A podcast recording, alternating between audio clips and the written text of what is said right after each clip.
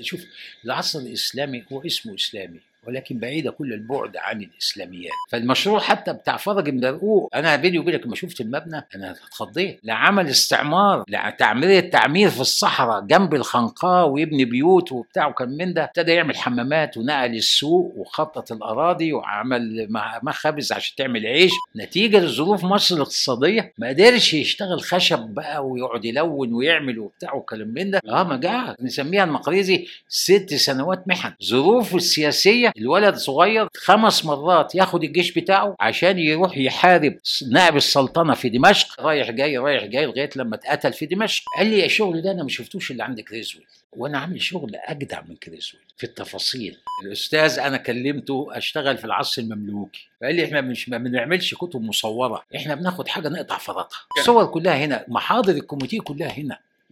الدراسة شاملة كاملة بتاع كلام من ده. كل أوضة الأربع حيطان متوصوفة حيطة حيطة. كانت أول مرة حد يرمم أثر باستخدام الوثائق. وقفية 30 متر جلد عرضها 30 سم بطول حوالي 30 متر. مكتوبة وشين. كل ممتلكاته وتوصيف كامل للمباني بتاعتهم. يعني اللي قال مصر من الدنيا ابن خلدون. حتى محمد علي يعني لما جه أغنى ولاية على مستوى الدولة العثمانية وهي اللي كانت بتصرف على الحرمين الشريفين.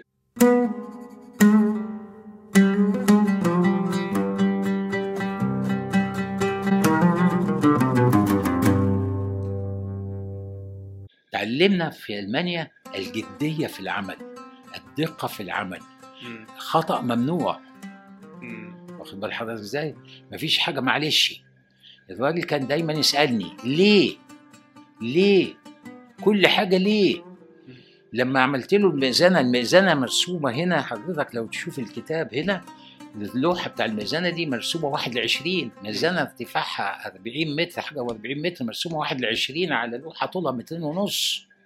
بتتفرد على البتاع كده. بيقولوا لي كنت بترسمها إزاي؟ بننام على اللوحة. ظهر بتقوم بتعيط من الألم. كنا بنشتغل بال Graphos.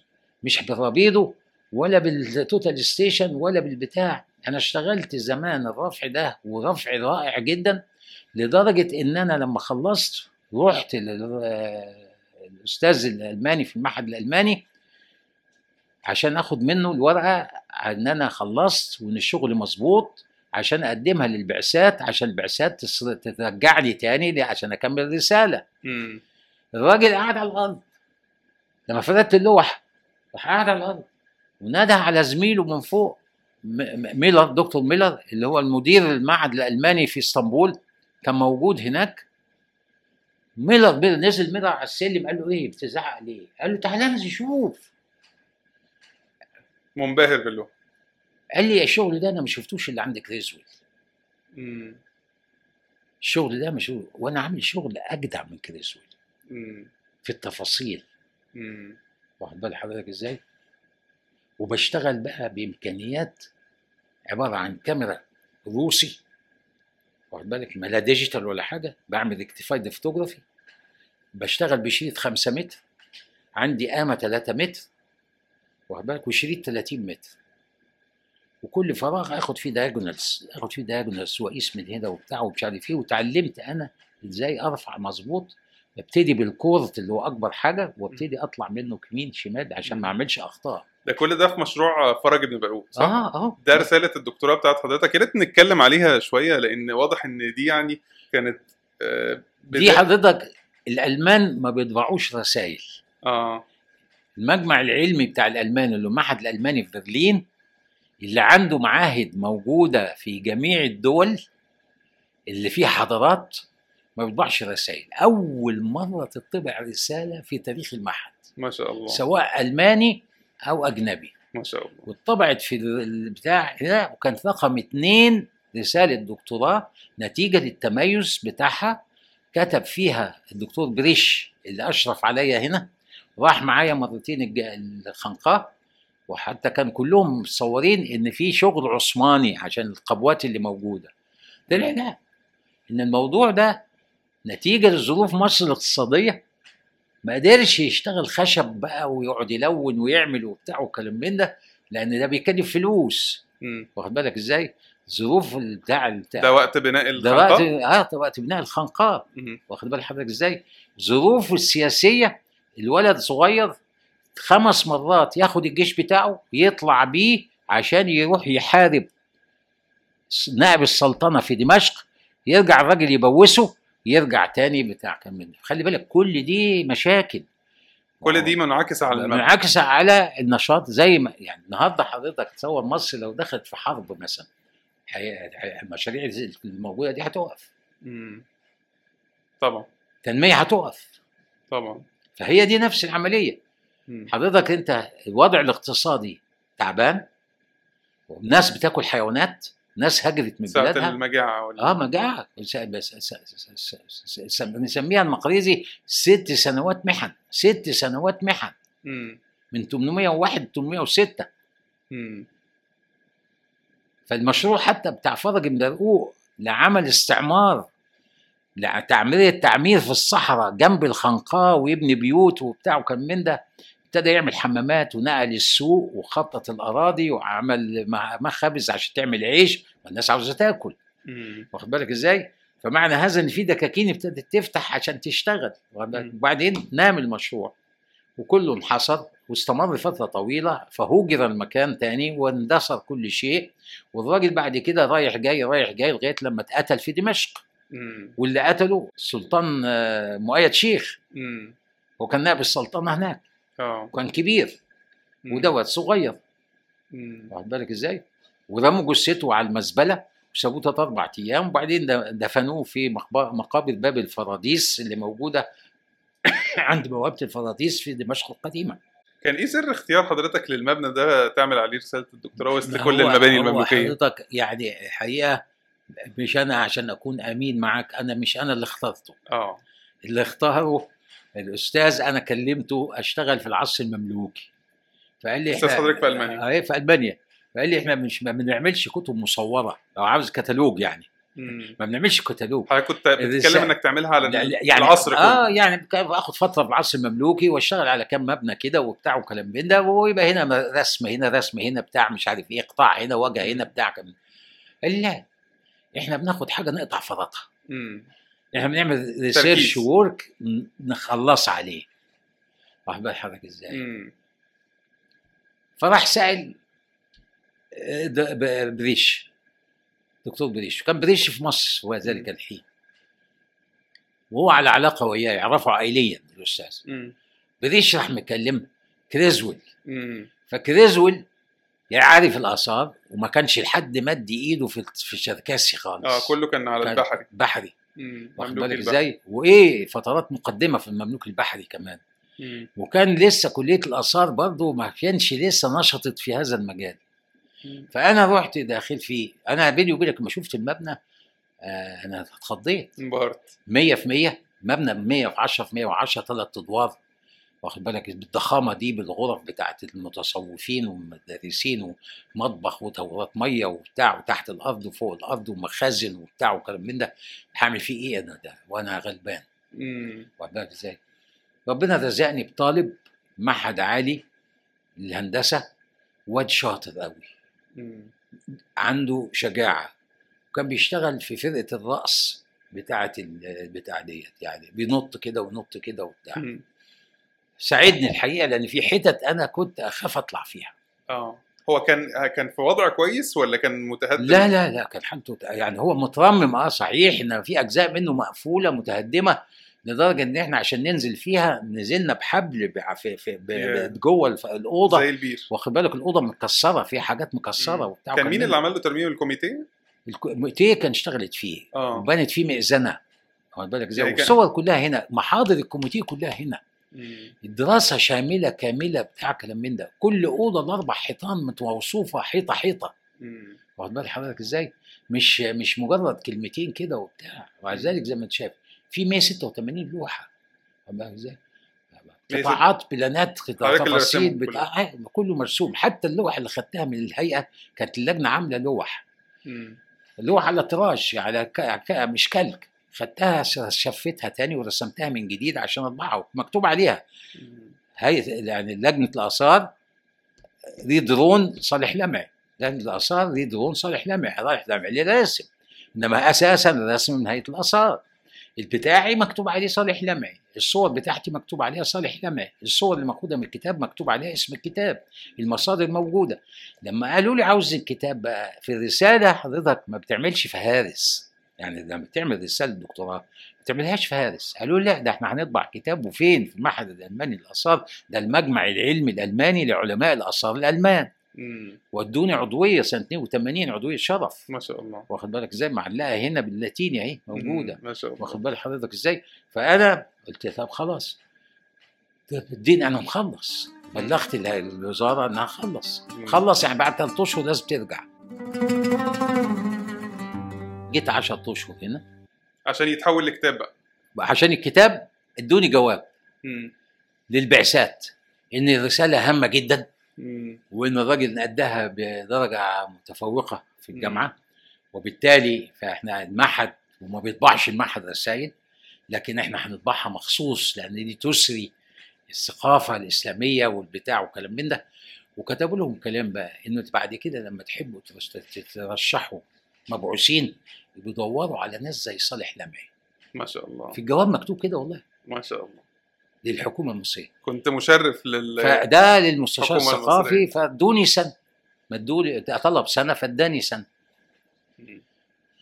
طبعا قعدت اشتغل بقى عملت فهرسة للمواقع فهرسة للأماكن فهرسة للأسماء فهرسة للتواريخ فهرسة مش عارف إيه فالكتاب فيه كمية رهيبة من الفهرسة واخد بال حضرتك إزاي؟ technical word شرح لل technical word اللي هي موجودة في الوثائق مم. وان أنا لما اشتغلت هنا كانت أول مرة أول مرة حد معماري أو أثري يرمم أثر باستخدام الوثائق ما لقيتش الوثيقة بتاعت فرج بتاع الخنقاء إنما لقيت الوثيقة بتاعته بتاع الجامع اللي قدام باب زويلة. ولقيت الوثيقة بتاع أبوه بتاع المدرسة والخنقاه اللي بتاع اللي موجودة في نحاسين هل الوثيقة قصد حضرتك الوقفيات؟ الوقفية. مم. وقفية 30 متر. يا. جلد. متصل. مكتوبة عرضها 30 سم بطول حوالي 30 متر. مكتوبة وشين. كل ممتلكاته وتوصيف كامل للمباني بتاعتهم. مم. حتى اللي بره مصر. واخد بالك إزاي؟ دي موجودة في دار الوثائق؟ دي لقيتها حضرتك دار كتب إيه؟ ده أنا حضرتك عملت مغامرة شديدة. أيامها تعرفت على حسن عبد الوهاب المرحوم حسن عبد الوهاب صاحب كتاب تاريخ المساجد الأثرية للصدر سنة 46 مطبوع على نفقة الملك فاروق. يعرف والدي فاهداك كتاب. مم. خد بالك حضرتك إزاي؟ فلما جيت بشتغل قام والدي كلمه فقال له أنا الحقيقة صحتي مش تمام إنما عشانك أنت هنزل معاه. نزل معاه زرنا فرج برقوق هنا وفرج برقوق هنا. ما شاء الله. واخد بالك إزاي؟ كان معايا عربية بتاع نزل حكى لي شوية هنا شوية هنا ورجعته تاني شبرا كان ساكن مع أخوه في شبرا هو ما كانش متزوج. وراجل عصامي كون نفسه بنفسه اللي وصل في الآخر كبير مفتش الآثار الإسلامية والقبطية في مصر ما شاء الله. مصلحة الآثار. دي ناس حلوة حلوة وعامل كتاب رائع جدا. ما شاء الله. واخد بال حضرتك إزاي؟ ف قلت له الوثائق ال- ال- ال- ال- بريش قال لي دور على الوثائق دور على الوثائق قال لي سألته الاقي الوثائق دي فين؟ قال لي في واحد واخد لسه دكتوراه وعاملين قسم وثائق في كلية الآداب جامعة القاهرة واخد بال حضرتك إزاي؟ ولسه مدرس واخد بالك إزاي؟ وعامل دكتوراه في الوثائق اتصل بيه اداني تليفون وكلمته طبعا ما- ما كان- ما كانش متجاوب اطلاقا. مش عاوز حد يشوف وثائق. غريبة. معتبر ان الوثائق دي هو صاحبها وهو اللي عمل قسم الوثائق والمكتبات في كلية الآداب فهو يبقى صاحب العملية دي محدش يلعب فيها. قال لي ما فيش وثيقة لفرج البرقوق عن الخنقاء. طيب في وثائق تانية بتاعت فرج البرقوق قال لي مش هتفيدك في حاجة. والله زي ما بكلمك كده. طب بتاع ما فيش أي حاجة بتاع كلام ده مش هتفيدك بحاجة. طب ألاقيهم فين يعني بتاع الوثائق؟ قال لي والله ما أعرفش يعني ما, ما عنديش فكرة ما ادانيش خبر قاطع. قعدت أدور أنا فلقيت واحد مرة كاتب مقالة إن في وثائق في محكمة زنانيري للاحوال الشخصية في شبرا هنا.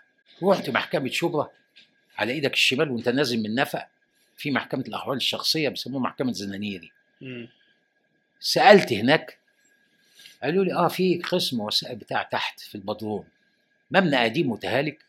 نزلت في البدرون واخد بالك إزاي؟ لقيت اتنين كتبه قاعدين يعني كبار في السن.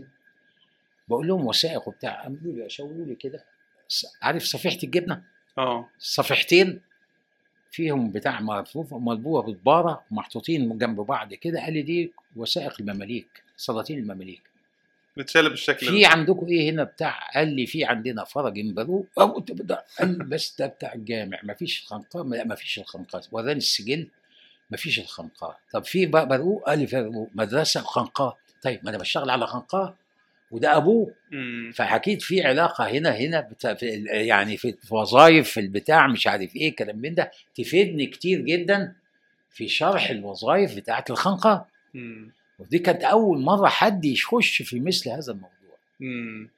بس ما بعد كده لقيت ال ال مل- ملوش خنقه ليه بقى اتعرف بعدين؟ لما قريت عنه بقى هو كان هيدفن في المدرسة بتاعته اللي في باب الوزير وعامل مدفن ومجهز حاله لما قرب يموت يعرف واحد اسمه الشيخ طلحة المغربي كان يثق فيه يعني ده زي ما تقول بقى آه، المعلم بتاعه.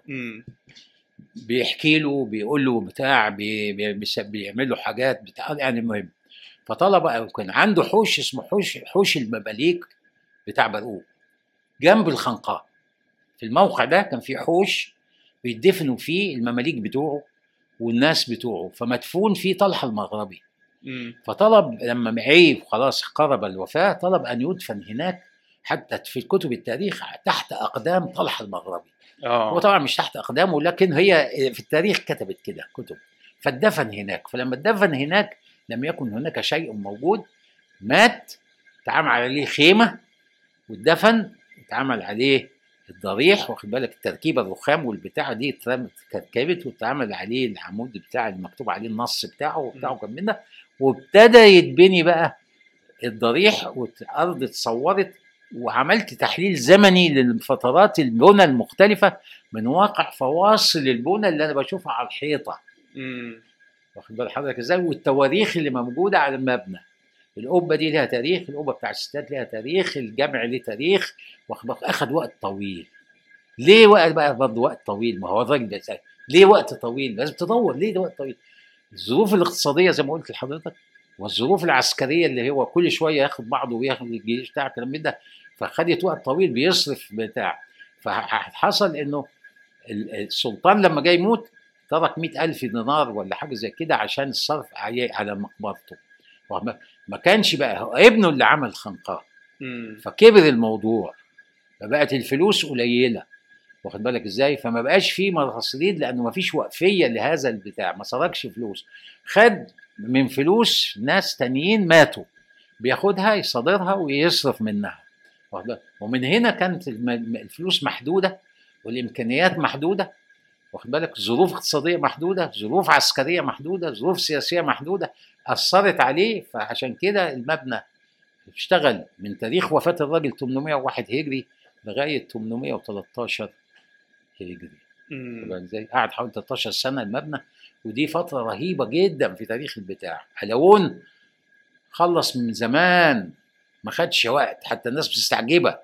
إزاي خلص كده وبتاع وكلام من ده؟ بس المجمع. مشهور إن هو استخدم آه، العمالة بالإكراه ويمكن شوف حضرتك عملية استخدام الحاجات القديمة واللي بتاع أو حد بتاع كلام من ده ده موجود في حاجات كتيرة. واخد بال حضرتك إزاي؟ يعني في حاجات كتيرة آه، يعني استخدمت فيها حاجات واخد بالك إزاي؟ في- مصادره أموال آه، بتاعت حد. ويقتله وبتاع وياخد فلوسه يعني هو فرج من بروق حتى. مدرسة الجمال جمال الدين الاستضار اللي موجودة في الجمالية الجمالية مسماه على جمال الدين الاستضار. واخد بال حضرتك إزاي؟ والجمع بتاعه بتاعه صدروا وقتلوا مع إن ده كان الاستاذ بتاعه. واخد بالك إزاي؟ وراجل كبير سلطان يعني؟ قتلوا يعني إيه ال- أستاذ يعني أستاذ الدار يعني آه. رئيس الديوان. مم. والرانك بتاعه بتاع محبرة وريشتين. آه. بيكتب الدواوين. حضرتك قتلوا. قتلوا وصدر أمواله وغير في الجامع وناس نسب الجامع الجامع رجع بعدين المؤيد شيخ رجع الجامع تاني لأهل جمال الدين الاستضار واخد بالك إزاي؟ وللصدفة في احد الشبابيك عليه الرانك بتاع جمال الدين الاستضار. مم. يعني المؤيد شيخ بعد ما قتل فرج بن برقوق ورجع لهم الأوقاف بتاعتهم. كان صادر الأوقاف. يعني شوف العصر الإسلامي هو اسمه إسلامي. ولكن بعيدة كل البعد عن الإسلاميات. كله قتل وبتاع ويعني يعني في فترات حتى سمح فيها بالدعارة وكان بياخدوا عليها ضرائب. في الفترة المملوكية. آه هو نفسه فرج مقريزي كاتب عليه كلام وحش. مم. حتى لما قتل قال لك كويس إنه قتل لأنه يعني شو يعني تصرفاته بتاع وحياته وسمح بالصلاة داخل المساجد بالأربع مذاهب. يعني كل إمام بمذهبه يصلي بما بتاع ده بيصلي وده بيصلي وده بيصلي. فرقة ادى آه ما ينفعش. وعملها في الم- في في, في الحرم. الحرم المكي. آه واخد يعني. بالك إزاي عملها في الحرم؟ وده قال لك يعني المقريزي كتب إن هو يعني ده كده ربنا جزاه كده قتله اتقتل عشان سمح بمثل هذا حتى عمله في الحرم. مم. وك... وكذلك يعني هو واضح بس هو مش هو لوحده يعني عارف زي يعني طبعا كل واحد ليه سكته وبتاع وكلام من ده. هي ح- يعني أيام كلها كلهم يعني في العصر المملوكي من النادر إن واحد سلطان ما اتقتلش. من النادر. واخد بالك حضرتك إزاي؟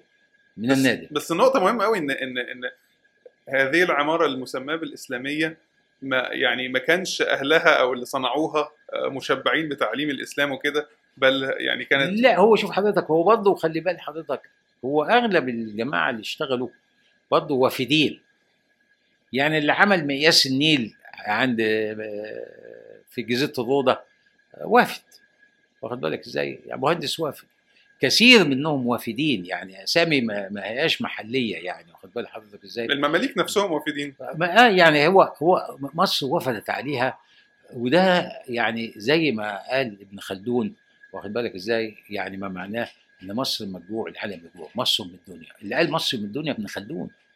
والله. آه هو اللي قال. واخد بالك إزاي؟ العالم الشهير بتاع ال- الاجتماع. واخد بالك إزاي؟ وده جاي من شمال أفريقيا. واخد. بالك إزاي؟ وجاء هنا في مصر واتدفن في مصر هنا في مقابر باب النصر. آه. واخد بالك حضرتك إزاي؟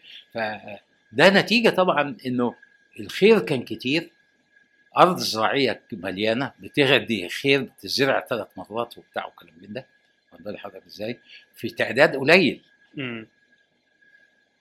واخد بالك حضرتك إزاي؟ المرض بيجي بياكل الناس في عدد قليل واخد بالك إزاي؟ ففي يعني واخد بالك إزاي؟ عدد دايما يعني في توازن بين مم. الأرض وبين البتاع نتيجة للامراض اللي بتيجي في الفترات ديت فطبعا بتخلي الأعداد قليلة فالناس فخير كتير مم. ده سبب حتى محمد علي يعني لما جه لازم حضرتك تعرف إن الولاية المصرية في العصر العثماني أغنى ولاية على مستوى الدولة العثمانية.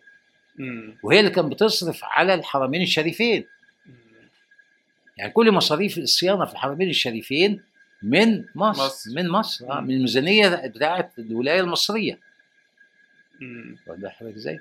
يعني حتى المحراب اللي موجود بتاع السلطان سليمان محراب مملوكي الصنعة بتاعته كلها مملوكية مم. حضرتك إزاي؟ يعني كل الشغل بتاع ف يعني هي مصر كانت طول عمرها غنية ولذلك محمد علي لما جه لقاها دولة بس عاوزة تنظيم فعمل نظام الري ونظام التعليم ونظام الصحة ونظام الجيش ونظام بتاع كلام من ده يخلق منها دولة حديثة بعد ما كان مستشري فيها الجهل والفقر والمرض. عشان كده بيقولوا بعصر محمد علي عصر الح... بتاع مصر الحديثة. ده صحيح. هو اللي عمل المؤسسات ونظم. يعني آه خلق مؤسسات وخلق بنظام وخلق تعليم وخلق صحة وخلق بتاع كلام من ده. كلية طب كليه مدرسة الطب ومدرسة المهندسخانه ومدرسة الزراعة ومدرسة البتاع. دخل حاجات كتيرة في الزراعة مواد بتاع إيه. كل الحاجات دي كلها أيام محمد علي. مم. كان مشروع فرج بن برقوق ده اللي يعني اتمرنت فيه على هذا ال- ال- الدراسات الدقيقة جدا والرفع طبعا والرسم طبعا لأن اشتغلت فيه بتفاصيل شديدة. آه. واخد بال حضرتك؟ دخلت في تفاصيل تفاصيل سواء في النجارة سواء في الأرضيات سواء في التكسيات الرخامية سواء في أساليب الإنشاء. واخد بال حضرتك إزاي؟ وعلمني الأستاذ واخد بال حضرتك إزاي؟ لما شاف الصور واخد بال حضرتك؟ في ناس كتير قوي تبص هناك ما تاخدش بالها من إيه اللي موجود.